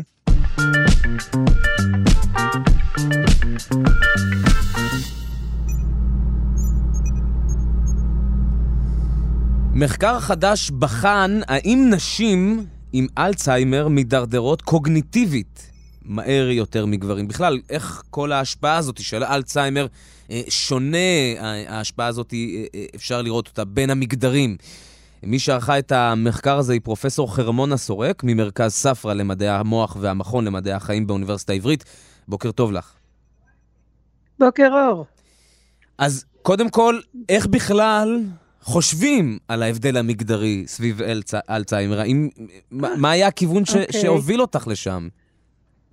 קודם כל, אה, הממצא הראשוני נערך על ידי רופאים אה, שעקבו אחרי ההידרדרות של נשים וגברים, חולים וחולות באלצהיימר, ומצאו לאורך השנים שנשים מידרדרות יותר מהר מגברים. אז זה היה נתון, אבל אף אחד לא ידע איזה תהליכים מולקולריים קשורים לזה, ולכן גם אין דרך לפתור. מה שאנחנו חיפשנו זה קשר מולקולרי, כדי שאפשר יהיה להתחיל לחשוב בכיוון של אה, בדיקה יותר עדכנית, מעקב יותר טוב, ואולי נקווה גם טיפול. זאת אומרת, ידענו ש... ידענו, אני לוקח על עצמי קרדיט. כן. אתם ידעתם שיש הבדל, והתחלתם לחפש. נכון. אה, ו- ומה הכיוון הראשוני שמחפשים? זאת אומרת, מה, הולכים... מה הדבר אוקיי, הראשון, בוא נגיד ככה. שמזהים בהבדל בין גברים לנשים? בדקנו שני דברים. קודם כל, אנחנו יודעים שהתיאוריה הראשונה להסביר את המקור של מחלת האלצהיימר הייתה שיש פה קשר לאצטיל חולין, עיבוד של החומר הכימי הזה שמעביר מסרים בין תאי עצב ובינם, בין המוח לגוף, הוא אחד הדברים שקורים ראשונים במחלת האלצהיימר. אז חיפשנו מה קורה לתאי עצב שידועים כמופעלים באמצעות אצטיל חולין. וחיפשנו את זה בדגימות מוח שקיבלנו מפרופסור דיוויד בנט בשיקגו, mm-hmm. שהוא משימת חייו היא לאסוף דגימות של מתנדבים שמקבלים טיפול רפואי במהלך חייהם וחותמים על תרומת מוח לאחר מותם. Mm-hmm. ובדקנו אזורים שאנחנו ידענו מראש שהם עשירים בתאי עצב שמתקשרים באמצעות אצטיל חולין. ועשינו את זה על ידי קביעת רצף של RNA. אוקיי? Mm-hmm. Okay? אז uh, השאלה שלנו הייתה, האם יש איזה שהם שינויים שאפשר לראות באזורים האלה שהם שונים בין גברים לנשים לעומת גברים, בדיוק. ומה גיליתם? ומצאנו שינוי כזה, מצאנו הידרדרות ברמה של משפחה של שברי RNA קטנים, וההידרדרות הזאת לא שיקפה את הפתולוגיה המוחית, אלא דווקא את המבחנים הקוגניטיביים, המבחנים התבוניים שהאנשים האלה הועמדו בהם. רגע, תסבירי את זה במילים... זה היה הקשר הראשון. תסבירי את זה רגע, את המשפט הזה. זאת אומרת שאתם לא okay. אוקיי. בהכרח זיהיתם איזשהו אה, הבדל בנראות, אלא דווקא בהשפעה של השינוי? נכון, נכון, בדיוק. זה בדיוק המשמעות. ו- וזיהינו קשר עם משפחה של שברי RNA שלא ידעו בכלל שיש להם תפקיד ביולוגי. ידעו שהם קיימים, אבל לא ידעו שיש להם תפקיד. ואנחנו כבר כמה שנים חוקרים את התפקידים שלהם בנפגעי שבץ, בנשים חולות במחלות נפש, והנה עכשיו במחלת אלצהיימר. אנחנו... ומסתבר שיש לזה קשר לכאורה, ו- ולא סתם, אלא שהשברים האלה באים מעברונים בתוך תאי העצב שנקראים מיטוכונדריה, הם אחראים על הפעילות המטבולית של התאים. והמאגר של השברים האלה כנראה מדלדל בנשים יותר מהר מגברים. אבל... והוא, אבל... דרך אגב, המיטוכונדריה באות מהאימא. אז אני רוצה לשאול אותך אבל על נקודת הפתיחה, כי אנחנו מדברים בעצם על נקודת הסיום, אה, שבו בעצם הנזק, אנחנו רואים איזשהו נזק גדול יותר אצל נשים מאשר אמת. אצל גברים. אבל האם נקודת הפתיחה היא שונה? האם בעצם האזורים האלה אצל גברים ואצל נשים הם מראש שונים, ולכן גם הפגיעה היא, היא, היא פגיעה שונה? מאוד יכול להיות, מפני שמיטוכונדריה האם מורישה לבת. אז אה, בהחלט ייתכן שהמצב הוא שונה מראש, אבל התקווה שאני רואה בזה, כן. זה שהיום RNA גם משמש בסיס לטיפולים תרופתיים. אז בוא נגיד, לפני מגפת הקורונה, לא יכולנו לדבר על זה בתור תקווה, והיום אפשר להגיד, אוקיי, אנחנו יודעים שאפשר לפתח תרופות על בסיס RNA. אנחנו יודעים שהפגיעה פה חלה בשברי RNA. אולי אנחנו נמצא את הדרך להחזיר אותם גם לתאי העצב. אז רגע, אני, אני רוצה לשאול, אולי אני בעצם מניח עכשיו את התשתית לזכייה בנובל, ואני אקח לעצמי את הקרדיט כאן ב, ב, בתוכנית שלושה שיודעים. בעצם, אם אנחנו יודעים שנפגעים אותם אה, ש- קשרים של RNA בחלקיקים האלה, שהם יוצרים לנזק, את הנזק הקוגניטיבי אצל נשים יותר מגברים, ואנחנו, אה, אה, עכשיו משימתנו היא למצוא איזשהו דבק, איזשהו חיבור שיחזק את הקשרים האלה ולא יאפשר להתפוררות שלהם? אני מאוד מקווה, בהחלט. אתה מקבל את הקרדיט מצידי מיד. זה, זה, זה בעצם, המס, כאילו, המחקר הזה שבו גיליתם את ההתפוררות, עכשיו הוא שולח את חברות התרופות, מה, לחפש איך לא לפורר אותם? ככה מחפש, מח, מפתחים את, ה- או, התרופות? או איך להחזיר את השברים האלה אה, ולמלא את החסר. מה יותר קשה, אגב? להחזיר או, או לשמור על, ה, על, ה, על חוזקן? אין- אין לי מושג, זאת שאלה נהדרת, ובאמת עד לפני כמה שנים לא ידענו שלשברים האלה יש תפקיד ביולוגי. אז עכשיו הזמן גם לשאול את השאלה הזאת וגם לפתח את דרכי הפתרון שלה. איזה עבודה מעניינת יש לכם? נכון? בכיף, וזה הכל בזכות הסטודנטים והשותפים למחקר, ואולי זה המקום להזכיר שזאת עבודת המחקר של דנה שולמן, שסיימה עכשיו את התואר, והיא באה מ-computational biology, זאת אומרת, היא השתמשה בכלים מעולם המחשבים, והשותף שלנו במסע הזה הוא פרופסור יונתן לוינשטיין, שהוא זה שאחראי לזה שכל שלב פה נבדק 70 פעם. איזה מדהים. זה אינטרדיציפלינריות במיטבה, השיתוף, לגמרי. שיתוף פעולה כדי למצוא את הדברים האלה. פרופסור חרמונה סורק ממרכז ספרא למדעי המוח והמכון למדעי החיים באוניברסיטה העברית, תודה רבה לך ששוחחת איתנו הבוקר.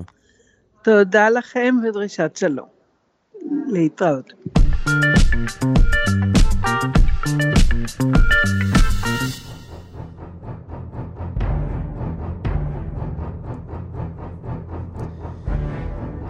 סטרס, לחץ. עד עכשיו אנחנו ידענו שהוא מאיץ את ההזדקנות שלנו.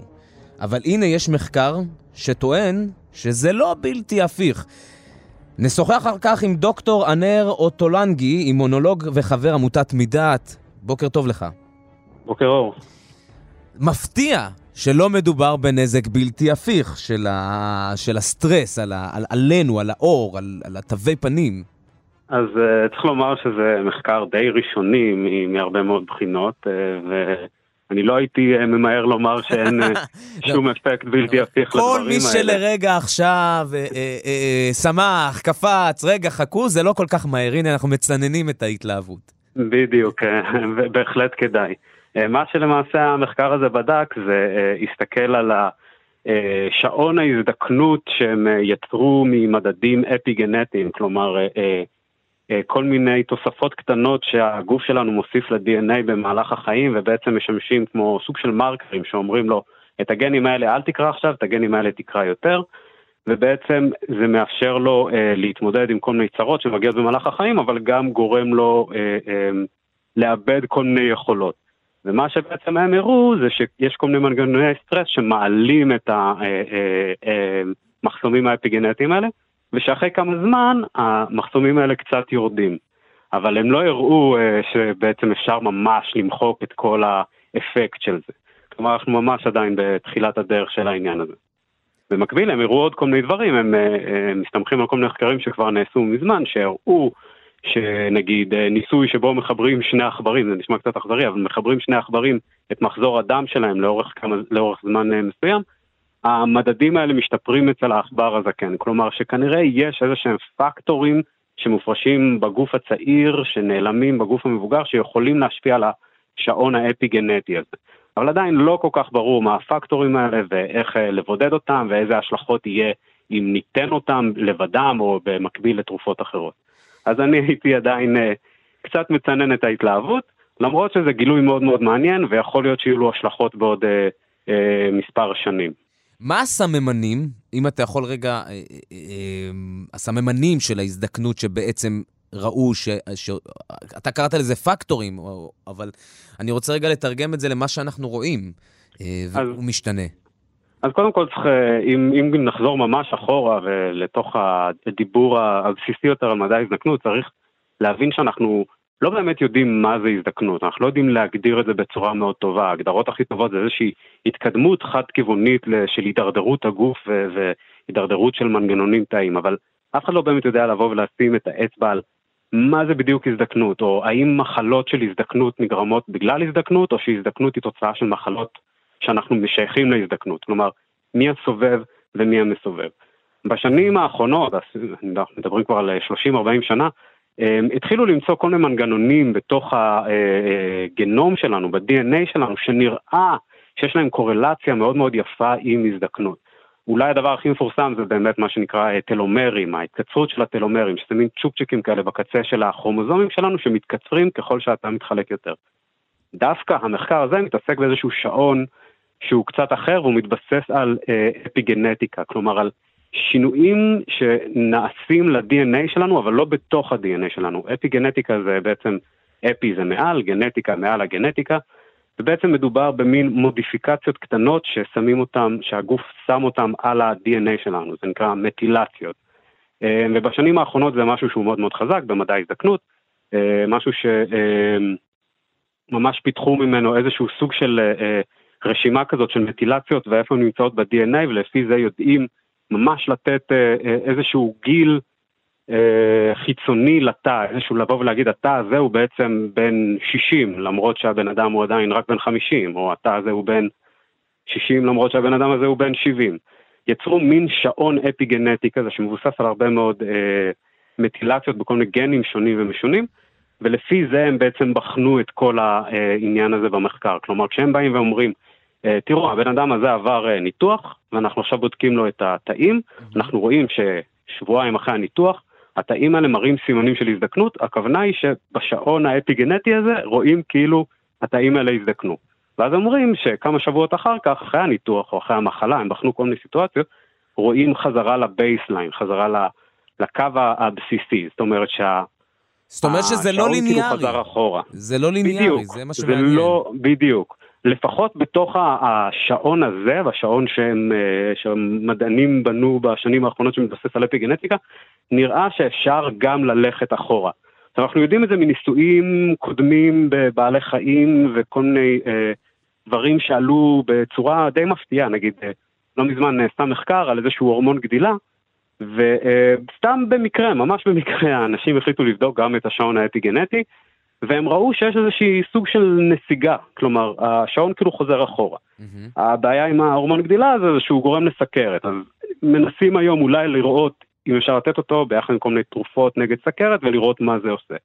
אבל חייבים להבין שאנחנו ממש עדיין, עדיין, ממש בתחילת הדרך. כלומר, אין, אה, אני לא הייתי מצפה שבעשור הקרוב אה, כבר יהיו טיפולים שמונעים הזדקנות או אה, שנגיע לגילאים סופר מופלגים. אה, אתה אומר, אבל זה בכלל, אני, כשאני חושב על הזדקנות, אז דבר ראשון שאנחנו מדמיינים זה, זה הפנים, זה הגוף החיצוני, האור. אה, היכולות של השרירים, אה, הדברים האלה, זה נראה לי ה... האסוצי... עולם האסוציאציות של המושג הזדקנות. נכון. אבל אתה מדבר בכלל על איברים פנימיים שאנחנו אפילו לא חשופים אליהם, שהם אולי אפילו יותר קריטיים מהמראה שלנו.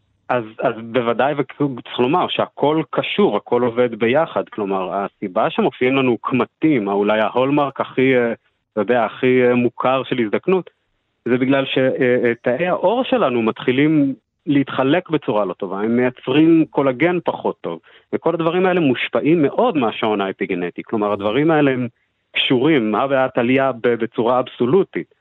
כלומר, אה, זה לא שהם באו ואמרו, או הנה, יש פה איזה שעון שאנחנו רואים שהוא קשור לאנשים זקנים, ואנחנו לא יודעים לבוא ולהגיד אה, איך הוא קשור בכלל לדברים שאנחנו מייחסים להזדקנות. הוא קשור מאוד, אנחנו לא יודעים הכל, אנחנו לא יודעים להגיד אה, איפה הוא מתקשר בדיוק בכל המקומות, אבל בוודאי שהוא קשור.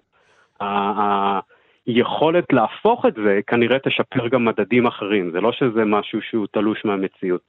זה איזושהי חשיפה ראשונית ממש של של היעדר הליניאריות, או, או האפשרות, אני לא אגיד היעדר הליניאריות, זה אולי אה, באמת עתידני קצת, אבל אולי האפשרות לתנועה ספירלית של, ה, של הגוף.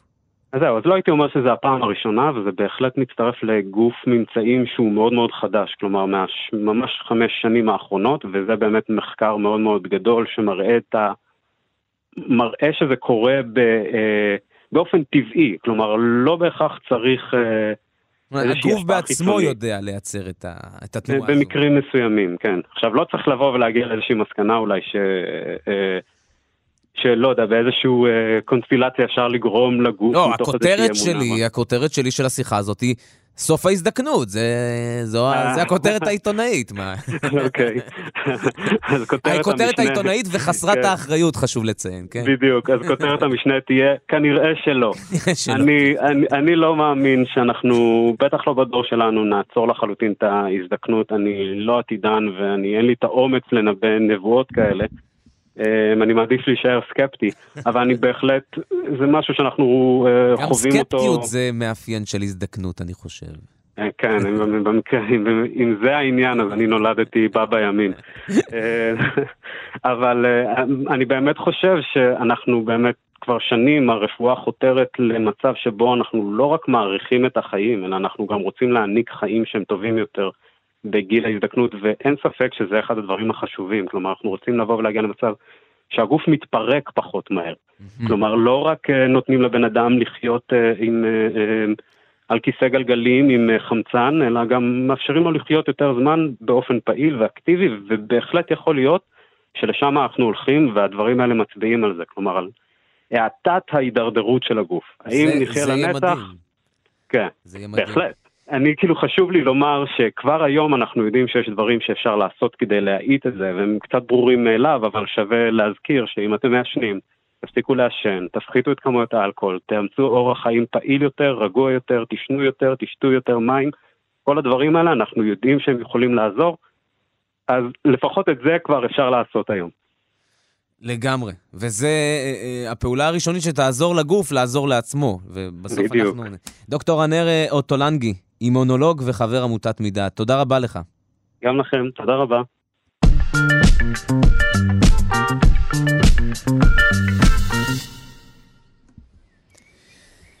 אחת הבעיות הכי גדולות של העולם זה הפלסטיק. הפלסטיק שאנחנו מייצרים והוא מצטבר והוא גם מגיע לכל מיני אגמי, אגמים ונערות. ואולי, אולי, יש לנו פתרון לכך. תכף ננסה להבין האם בועות יפתרו את משבר הפלסטיק בעולם. נשוחח על כך עם דוקטור נועם ונדר הל, הוא המדען הראשי של חברת מידן, חוקר מיקרו-פלסטיק ועמית מחקר באוניברסיטת חיפה. בוקר טוב לך. בוקר טוב. אז האם ואיך פותרים את בעיית הפלסטיק באמצעות בועות? אמ, קודם כל אני חייב להגיד שהרעיון הזה הוא רעיון מעולה. אה, זה מראה איך אנשים אה, ישבו וחשבו מחוץ לקופסה כדי להגיע לפתרון שהוא באמת אה, יכול להיות מאוד מאוד מאוד יעיל, אבל הוא יעיל אה, רק למקום מאוד מאוד מסוים. זאת אומרת, הוא מתאים באמת, כמו שאמרת, לנהרות ולתעלות ולנחלים שבהם הזרימה היא גם איטית, וגם הבועות שבעצם מבעבעות מתחת, מהקרקעית עד ללמעלה, יכולות להסיט את אותם חלקיקי פלסטיקים בצורה יחסית מבוקרת לאותו שרוול של אה, פח אשפה כזה שנמצא בקצה, אה, שיכול לאגד את כל החלקיקים האלה ביחד ובעצם להוריד כמות מאוד גדולה מכמות הפלסטיקים שיהיו בצד השני של אותו שרוול אה, בועות אוויר. אז בוא נשים רגע, רגע נצייר את, ה, את הזירה. כן. לטובת המאזינים והמאזינות שעכשיו שומעים נכון. אותנו. בעצם המון פלסטיק בכל מיני נערות ובכל מיני תעלות, באירופה לדוגמה, בוונציה, באמסטרדם, mm-hmm. הולך ונערם פלסטיק ולכלוך של בני אדם, והוא מגיע לקרקעית. עד עכשיו הוא פשוט היה זורם עם, ה... עם הכיוון של הנהר, עם הזרימה של הנהר. אה, והייתה מחשבה איך לעצור את זה, נכון?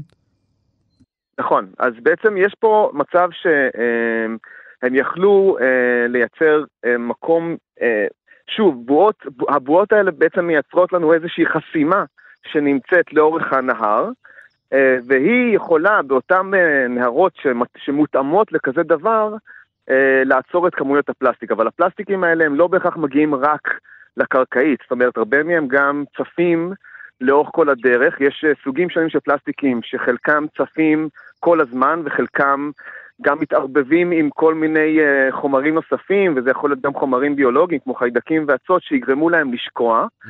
ואז הם בעצם כל הזמן נמצאים באיזשהו תהליך של נדידה בתוך המדיום המימי לצורך העניין, וכמובן שזרמים ורוחות ודברים כאלה יכולים שוב לייצר את אותה תנועה של הפלסטיקים מלמטה ללמעלה. ויש את החלקיקים שפשוט שוקעים לקרקעית והרבה מ... התזוזה אליהם תהיה הרבה יותר קשה, התזוזה שלהם להמשך תהיה הרבה יותר קשה.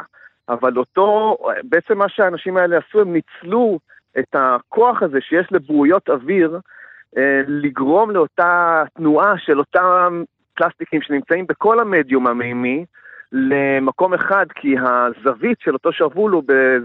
הוא נמצא בזווית כאילו לאורך הנהר או התעלה. Mm-hmm. ואז הוא עובר מצד אחד לצד השני, וככה הוא בעצם גורם לפלסטיקים לנוע לכיוון אחד, וכמובן שהזרם של המים צריך להיות לכיוון מסוים, הוא לא יכול להיות, צריך, צריך שכן יהיה איזושהי זרימה ש... תגרום לפלסטיקים לנוע, לנוע לכיוון הבועות. אבל דיוק. בעצם המחשבה היא כל כך פשוטה, אני אומר, זה, זה כמעט לואו-טק. Uh, יש זרם נכון, אחד, הוא לוקח את זה לכיוון מסוים, בוא נוסיף זרם אחר. באמצעות הבועות, אבל זה, נכון. זה, זה זרם. זה, זה פשוט, זה בדיוק, זה, כאילו, החשיבה פה היא גאונית מהבחינה הזאת, כי הם חשבו באמת על הפתרון הכי פשוט, אה, בדרך אגב, הבועיות האלה גם משמשות הרבה אגמים בעולם, לא הרבה, אבל אני יודע על כמה אגמים שמשתמשים בהם כדי לייצר חמצן בתוך האגמים, ואז ככה להיטיב עם, ה, עם, ה, עם כל המערכת האקולוגית שנמצאת בתוך האגם, או אפילו גם בתעלות או בנהרות. אה, אז זה גם הגיע מהכיוון הזה, זאת אומרת, הם כבר, ההולנדים כבר ידעו מלכתחילה על איזשהו פתרון שיכול להיות דווקא מעניין, mm-hmm. אבל זה מראה איך שאפשר בעצם לייצר פתרונות מאוד מאוד נכונים, אה, בצורה מאוד מאוד פשוטה, לא צריך לחשוב עכשיו על אה, להפוך את העולם כדי להגיע לאותם פתרונות, אבל, וזו ההסתייגות המאוד מאוד חד משמעית שיש לי פה, זה שכן צריך לחשוב שאנחנו עושים פה איזשהו פלסטר. והדרך הכי נכונה לטפל בדברים האלה בעצם... לצרוך פחות פלסטיק. להגיע מההתחלה, נכון. ואני חייב לגעת בנקודה שקורית בעצם בישראל, שפה בעצם התנועה של הנחלים והנהרות, נהרות כבר כמעט אין לנו, אה, אבל הנחלים בישראל וגם התעלות ניקוז, או לא משנה, כל דבר, בעצם נשטפים בגשמים הראשונים בצורה מאוד מאוד דרמטית. היא סוחפת, הגשמים הראשונים של החורף בישראל סוחפת הרבה מאוד, אה, או מעלה בעצם גם את גובה המים באותו אה, נחל שיש לנו בישראל לאורך ה... ממזרח למערב ו- ו- וגם קצת לצד השני. וגם בעצם אה, מיישרת שובל מאוד מאוד גדול של מים שזורמים בתוך הנחל וגם מנחלים קטנים שפשוט גוררים אחריהם את כל הפסולת שהצטברה באותם שוליים של הנחלים לאורך השנה. ואז המתודיקה הזאת של להשתמש בבועיות אוויר זה לא משהו שהוא בכלל אפשרי במדינת ישראל כדי לפתור את הבעיה הזאת. וזאת נקודה שצריך לזכור אותה, כי אנחנו היום מדברים הרבה יותר על הבנה של מה אנחנו עושים בכל צעד שאנחנו עושים ביום-יום, כדי לתפוס את, ה, את הראש רגע ולהגיד אם זה נכון או לא נכון. וכשאנחנו יושבים לאורך הגדה של הנחל, נניח אנחנו יושבים עכשיו לאורך נהר הירקון, ועושים פיקניק, ואנחנו יושבים אה, עשר מטר מהנחל, ושכחנו אה, צלחת חד פעמית אחת, במקרה אז אותה צלחת תיתקע בשיחים, וכשיגיע הגשם הראשון, היא תישפך לים. וככה יש עוד מאות אלפי צלחות קטנות שנשכחו בדרך בכל מיני נחלים, ואז התופעה הזאת הולכת וגדלה בצורה מאוד מאוד משמעותית, כשאנחנו לא מבינים את המעשה שאנחנו עושים. אה, ופה קבור הכלב, הפלסטרים האלה שאנחנו עושים והברויות האלה, שזה באמת, זה, המחשבה פה היא חכמה ונכונה ו, ובאמת מחשבה מחוץ לקופסה, אבל הפלסטר זה אולי גם המילה הלא נכונה להשתמש בה, כי אנחנו עושים בעצם כל פעם כשאנחנו עושים את הפלסטר הזה, אז אנחנו... לא, זה גם לא פלסטר, כי לסגור... זה לא לסגור, אלא זה אה, אה, זה כבר זה, לעשות זה... איזושהי פעולה על נזק שעשינו. זה... בדיוק, זה לנסות ול, ולסגור פיצוץ בצינור, לצורך העניין. אבל אני רוצה לשאול נכון אותך, אבל, אבל עוד משהו, אה, בעצם אם אנחנו משנים את, או לא משנים, מוסיפים זרם, מעבר לאיסוף הפלסטיק, יש עוד דברים שזה עלול להשפיע. אמת. אה, על תזוזה של אה, בעלי חיים, על תזוזה נכון של מאוד. פלנקטון, אה, על, על האוכל של הדגה. זה, זה, נכון. זה גם מסוכן קצת, לא? כן, יש פה בעצם, כל פעם שאנחנו מנסים לפתור את הבעיות שאנחנו מייצרים, אנחנו יכולים. אנחנו תמיד מייצרים עוד איזושהי בעיה נוספת, ו... וזה משהו שאנחנו פוגשים כל הזמן, כי המערכת האקולוגית יודעת אה, לטפל בעצמה בצורה המיטבית ביותר כשלא מפריעים לה, וגם כשאנחנו מנסים להיטיב עם משהו או, או לצמצם משהו, אז אנחנו בהכרח מייצרים איזושהי בעיה נוספת, ופה יש את החשש שאותם בועיות אוויר יכולים בעצם למנוע מדגים או מבעלי חיים לעבור את אותו מחסום, את אותו וילון של בועיות ש, שזורם מהקרקעית לכיוון מעלה. אמ, אז גם פה צריך לחשוב על, על גודל הבועיות שבעצם כדאי להשתמש בהן כדי שלא תהיה את ההרתעה הזאת של אותם בעלי חיים, ועל זה צריך גם לעשות מחקרים ולהבין מה הדרך הנכונה ביותר לעשות את הדברים האלה. אבל אין ספק שכל ניסיון שלנו לעשות גם הרבה פעמים טוב, מייצר איזושהי, איזשהו נזק נוסף. אה, כי, כי העולם באמת, הוא, הוא לא צריך את כל, ה, את כל הדברים האלה שאנחנו מכניסים לו פנימה. אז, אז, uh... אז למרות הפתרונות המגניבים והחכמים, נחזור ל, ל, ל, למנע. נכון מאוד. שימו לב לסביבה שלכם, שימו לב, נכון ת, מאוד. תצמצמו פלסטיק ככל הניתן, ואם כבר נכון השתמשתם, מאוד. זירקו אותו במקום... נכון, ותחשבו מקומי, תחשבו איך אתם יכולים להימנע מלהשתמש בדברים שבאמת אין להם תכלית, ואיך אתם יכולים להסתכל קצת יותר ליום-יום, למה שאנחנו עושים מסביב, ו- ולראות את אותן נקודות של איפה אנחנו יכולים אולי לעשות את אותו שיפור קטן, כי זה באמת בסוף מייצר את כל ההבדל הגדול. דוקטור נועם ונדר הל, המדען הראשי של חברת מידן, חוקר מיקרו-פלסטיק ועמית מחקר באוניברסיטת חיפה. תודה רבה לך. תודה רבה לכם, בוקר טוב.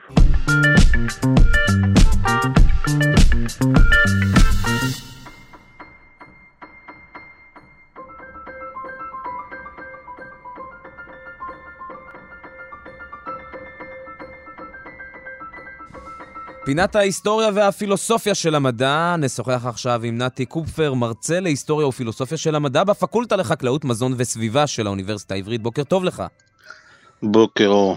אנחנו מדברים עכשיו על הקשר, ועל ה... אולי על הקשר, על הדומה והשונה בין מיתוס, בין מיתוס לאומנות. ראינו כבר כמה פעמים שהרבה מהמאפיינים של המיתוס קרובים מאוד לאומנות. הגיע הזמן לשאול, מה ההבדל בין מיתוס לאומנות? אה, נכון, אה, אני רק אציין קצת את ההקשר של, הדיון. נכון, נכון. אנחנו רוצים לדבר על, הולדת המדע ועל המעבר ממיתוס ללוגוס. אה, וכשתיארנו את המיתוס, אז באמת ראינו שהוא מאוד מאופיין בדברים שאנחנו מכירים בעיקר מעולם האומנות. וזה לא רק המאפיינים, זו גם עובדה היסטורית מאוד ברורה לנו, שה... המיתוס עצמו הוא נתון לנו בעיקר באמצעים אומנותיים, אנחנו מכירים אותו דרך השירה ושאר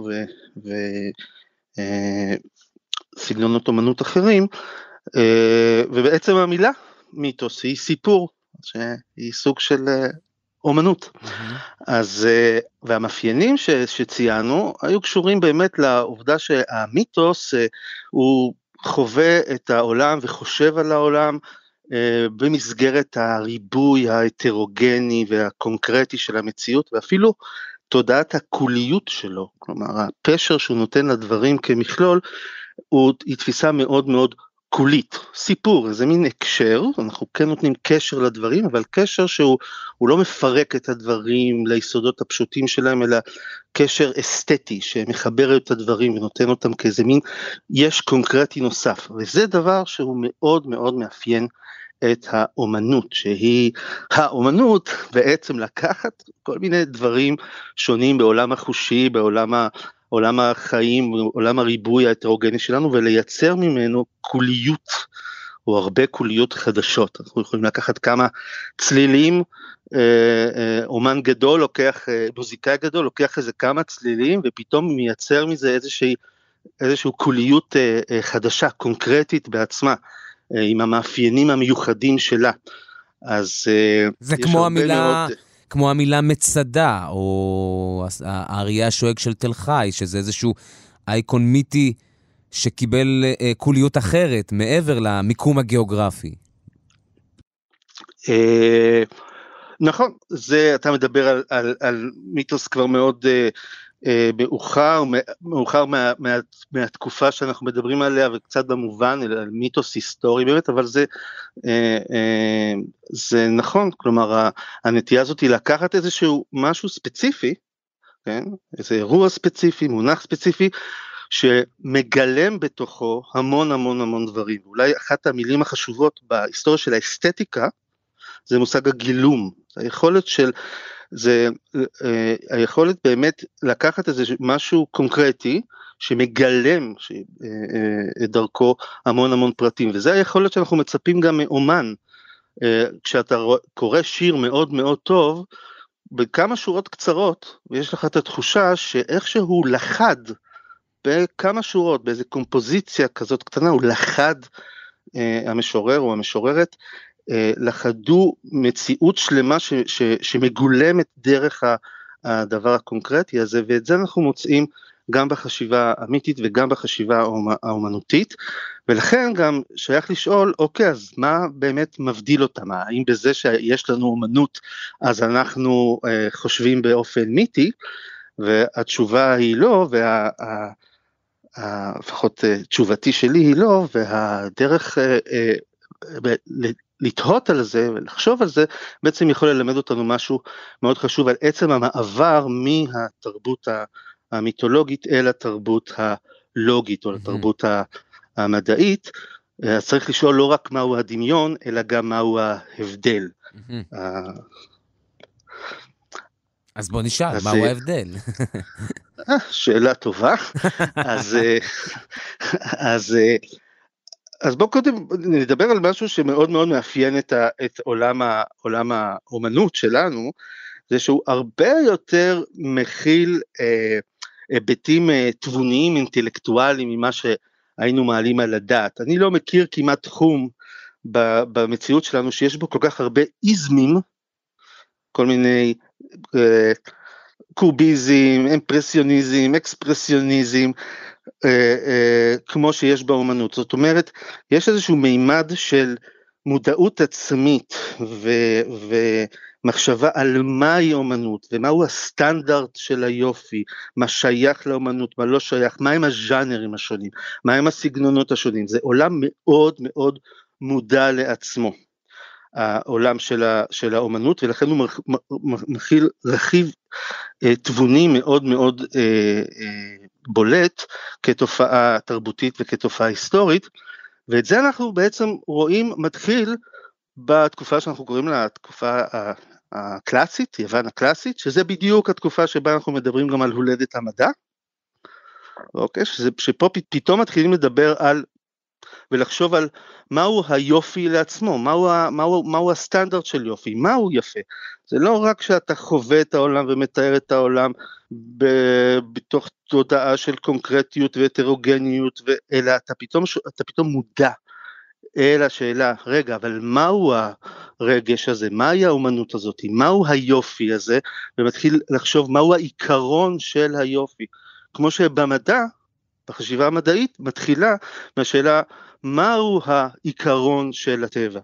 המודעות העצמית הזאת היא בעצם המאפיין מאוד מאוד בולט של המעבר מה, מהתרבות המיתית אל התרבות הלוגית, בוא נקרא לה, והיא לא חלה רק לגבי האומנות ולא רק לגבי הטבע, אלא לגבי כל התחומים כולם. למעשה, כשאנחנו חושבים על העולם של המיתוס, אז אנחנו, זה בעצם כרוכים בתוך המיתוס המון המון תחומי תרבות שונים. במיתוס אתה תמצא פולחן, אתה תמצא תודעה היסטורית, תודעה חברתית, מוסר, אה, אתה תמצא אה, השקפה על הטבע ותמצא אומנות, אתה תמצא את כל אלה, כולם נתונים לך בתוך החשיבה המיתולוגית.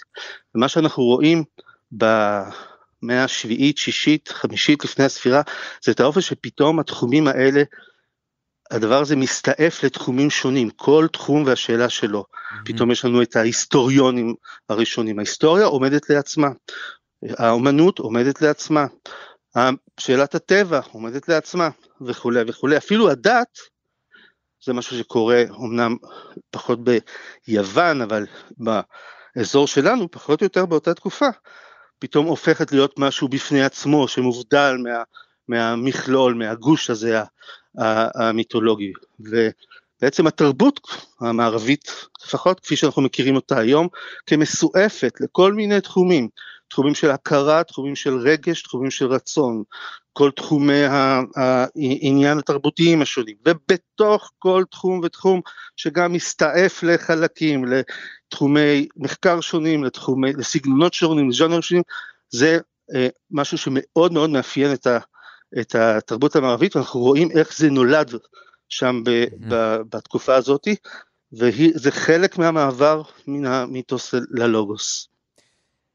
נתי קופפר, מרצה להיסטוריה ופילוסופיה של המדע בפקולטה לחקלאות, מזון וסביבה של האוניברסיטה העברית, על ההיסטוריה והפילוסופיה של המדע בפינתנו הקרובה. נראה לי שניפגש שוב בשבוע הבא. בשמחה. תודה רבה לך. ביי ביי.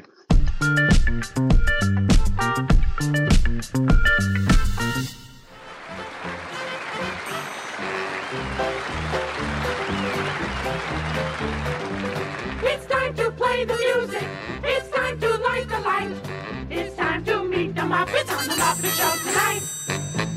It's time to put on makeup. It's time to dress up right. It's time to raise the curtain on the Muppet Show tonight.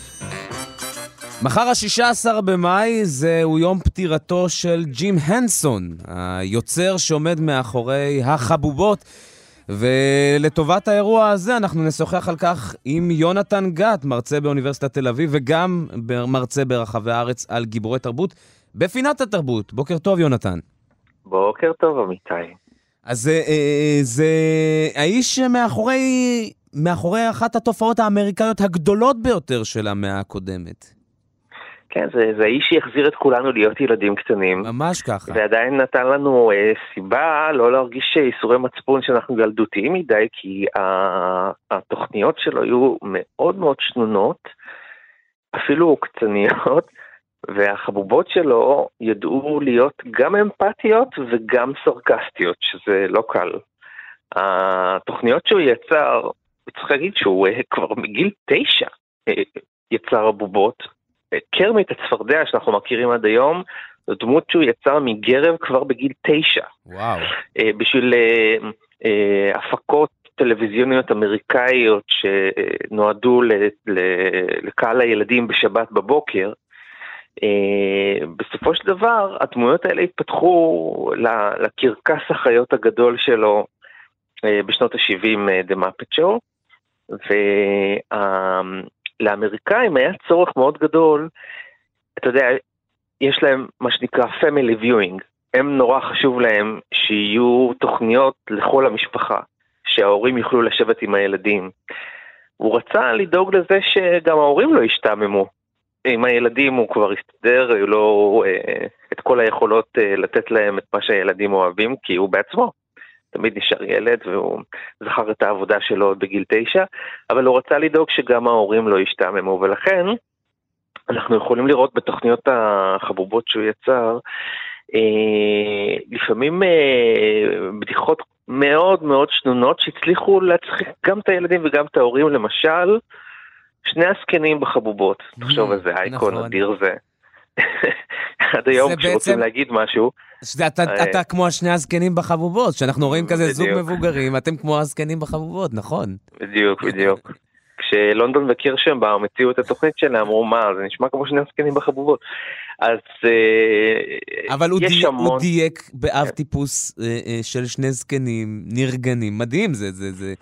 אתה יודע, כשחשבתי, כשראיתי שאנחנו הולכים לשוחח על ג'ים הנסון, חשבתי על זה שבעצם הוא נתן את התשתית למה שאחר כך יבואו הסימפסונס והמלך היל, ובהמשך פמילי גיא. נכון שזה היה הרבה יותר מעודן, וזה גם היה לילדים, זה לא היה למבוגרים בלבד, אבל...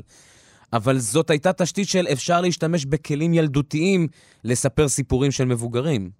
לא, אתה לגמרי צודק, אין ספק שהחבובות היו סוג של אב טיפוס. על איך אתה יכול לקחת משהו שהוא קשור לעולם האינוסנטי של עולם הילדים ולהפוך אותו לכלי מאוד ביקורתי. והוא עשה את זה אה, קודם כל בזה שהוא קצת לא לקח את עצמו ברצינות. שני הזקנים יושבים שם על ה... בזה שלהם שם בתיאטרון, ואחד אומר לשני, אתה יודע, אני הייתי מחליף פה רק דבר אחד. אז השני אומר לו, מה, מה? אז הוא אומר לו, את הערוץ. וככה זה ממשיך כמובן, אה, והם תוקעים את, ה, את המרפק הקטן הזה. האמת היא, כשאתה נכנס לבית מרקחת אתה רואה שניים כאלה פה גם אצלנו. ברור, מה זה? שהם עושים את זה במבטא פולני או מבטא כזה ביידיש. אז אה, הזק- הזקנים האלה בכל העולם. אז בהחלט היה לו יכולת, אה, אה, כשמסתכלים על אה, מגוון החבובות, אפשר לראות באמת את האף טיפוסים האלה אה, אה, מכל מיני גזרות. יש את מיספיגי כמובן, ויש את אה, אה, המתופף המופרע, ויש את גונזו שהוא כזה, כזה לוזר כזה, אבל הוא תמיד מנסה לעשות כל מיני הרפתקאות מטופשות, וזה תמיד, אה, אתה יודע, תמיד יוצא שהוא נופל על הפרצוף. אה, וכמובן יש את, ה, את, ה, את הדוב, את, אה, את הדובי הנחמד, ששום דבר לא כל כך מצליח לו, וקרמיט שהוא תמיד רומנטיקן. אה, שהוא מין, אתה את יודע, הוא גם אב טיפוס להם. לגבר החדש, מין זכר אלפא שהוא לא באמת זכר אלפא, אלא הוא, כמו שאמרת, הוא גם נכון. יכול להיות רגיש, והוא יכול להיות... אבל הוא עדיין המנהיג, הוא עדיין ה... הדמות שמרכזת את כולם, זה נורא מעניין. הוא טוב לב, כן, כן. הוא גם טוב לב. יונתן, ממבט, מפרספקטיבה, הוא נפטר ב-1990, אנחנו נמצאים עש- אה, 33 שנים אחרי. מפרספקטיבה, אתה חושב שהוא הוא היה גאה במה שקרה לחבובות אחרי פטירתו? כן, תראה, הבן שלו, יחד עם יתר החברה שהוא הקים, בהחלט ניסו להמשיך הלאה. אני צפיתי בסדרות המשך, חלק מהדברים היו בהחלט כן מצחיקים וכן טובים, אבל אין מה לעשות, אין את הטאץ' הזה של ג'י מנסון בעצמו. תמיד אומרים שכשהוא היה, הוא, אתה יודע, הוא היה מכניס את היד שלו בעצמו לתוך ה... הוא לא רק היה מביים, הוא, הוא בעצמו יצר את הבובות, עשה אותה בעצמו. אמרו שהתנועת היד שלו, אה, עם החיוך העקום של קרמיט, אה, אף אחד לא יודע לעשות, וזה בסך הכל יד בתוך כפפה, כן? כן, מחוות אה, גוף זה מחוות גוף, לא יעזור. לגמרי. וצריך לזכור עוד משהו אחד, הוא יצר גם את סיפורי ימים. סיפורי ימים הייתה סדרה מדהימה אה, על אה, אגדות לילדים מאגדות יווניות. ו- וכ- זהו, את זה לא ידעתי, וקראתי בוויקיפדיה אה, עליו אה, לקראת השידור, וגם את סיפורי הימים, וגם את יודה, שהוא היה אחד ממעצבי אה, הדמות. אמנם הוא, הוא לא דיבב אותו, הוא לא היה בתוכו, אבל, אבל הוא היה מי שעיצב את הבובה במקורי. נכון. וגם ה...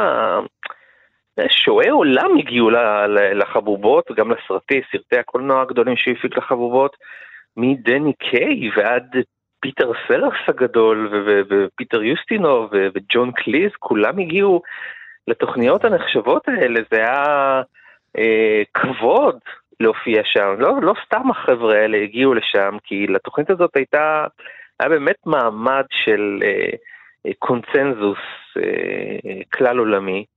אה, לצערנו הרב, ג'י מנסון האמין בכל מיני שטויות, ולא לא האמין ברפואה. תהרוג אותי, אני לא יודע למה, אבל אה, לא יודע אם הוא היה מסתדר בקורונה, בוא נגיד את זה ככה. וכשהיו לו בעיות בריאותיות, הוא לא דאג לטפל בהם. הייתה לו דלקת ריאות והוא לא הלך אה, לבית חולים. אה, וברגע האחרון, ככה הוא, אה, הוא זעק אה, כבר שהוא לא היה יכול לנשום, ונפטר. אז הוא היה מצד אחד פרקטי בעולם ההפקות והבידור, אבל מצד שני לא היה כל כך מחובר לחשמל. כי הוא בסוף היה... ודברים אחרים. הוא היה כמו הזקן הנרגן שלו. מה, אני אלך לרופא? מה הוא כבר ייתן לי? מה זה? מה אני מצטרך... הוא מת מאימוץ יתר של הבובות שהוא המציא. כן, ההבדל הוא אבל שהזקנים בחבובות הם כאלה שעושים את זה כשהם נמצאים בבית החולים. נכון. הם הולכים. אולי הוא לא רצה לראות אותם שם. ג'ים אנסון, זה כבר 33 שנים אה, למותו מחר. נסיים אולי באיזו המלצה ככה לסיום? כן, מאוד מאוד כדאי. זה אמנם אה, רק למי שיש לו יס ולמי שאין לי יס, אז שיבדוק אצל חברים. יש אה, הקרנה יוצאת דופן וחד פעמית של הסדרה שקוראים לה הממלכה של לארס פון טרייר. זאת מיני סדרה, אפרופו בתי חולים, על בית חולים משוגע לגמרי, עכשיו, הדבר הזה היה קשה מאוד להשיג אותו מתורגם, ולראות בשוודית ועם תרגום לאנגלית זה לא הכי כיף. אה, אז אה, הסדרה הזאת עוסקת אה, כאמור בבית חולים שיצא מדעתו, וקורים שם דברים מטורפים, רוחות ושדים, ויש כאלה שאומרים שזה הפרויקט האחרון של לארס פון טרייר. זאת העונה השלישית שמוקרנת כעת. אממ. זו סדרה שנעשתה לפני 25 שנה, שודרו שתי עונות, ואחרי 25 שנה הוא חוזר, כשהוא כנראה במצב בריאותי לא טוב, לארס פון טרייר, אה, ומעניק לנו את העונה השלישית שאותה אפשר לראות ב-yes VOD בחינם. אה, צריך, ו... צריך לבוא אחרי שראינו את הראשונה והשנייה, או שזה מספיק? אה, רצוי, רצוי, אבל ב-yes פשוט נותנים שם את כל העונות, אפשר אה, לראות שם אוקיי, את הכל. אז זה בסדר, אז אנחנו מצויים. זה מזכיר, כן, זה מזכיר קצת את, אה, אה, כמו שטווין פיקס אה, אחרי 25 שנה הגיע דיוויד לינץ' ונתן את העונה השלישית, אז גם פה לארס מגיע וזאת חוויה יוצאת, צריך קצת להחזיק, צריך עצבים חזקים כמובן, כמו בכל דבר של פון טרייר, אבל זה שווה את זה, וזה פשוט masterpiece שלא רואים בכלל בטלוויזיה. אז אה, לא להחמיץ את זה. יונתן גת, מרצה באוניברסיטת תל אביב ומרצה ברחבי הארץ על גיבורי תרבות. תודה רבה לך על השיחה הזו. תודה רבה, אמיתי.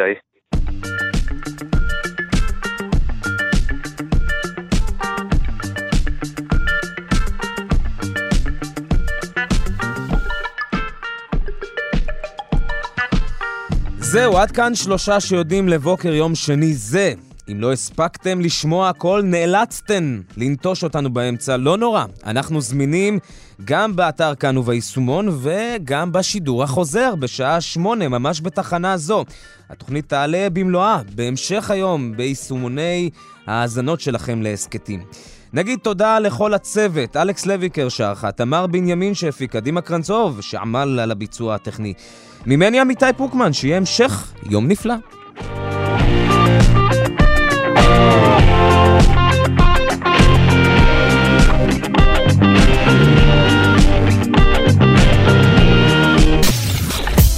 אתן מאזינות ואתם מאזינים לכאן הסכתים. כאן הסכתים, הפודקאסטים של תאגיד השידור הישראלי.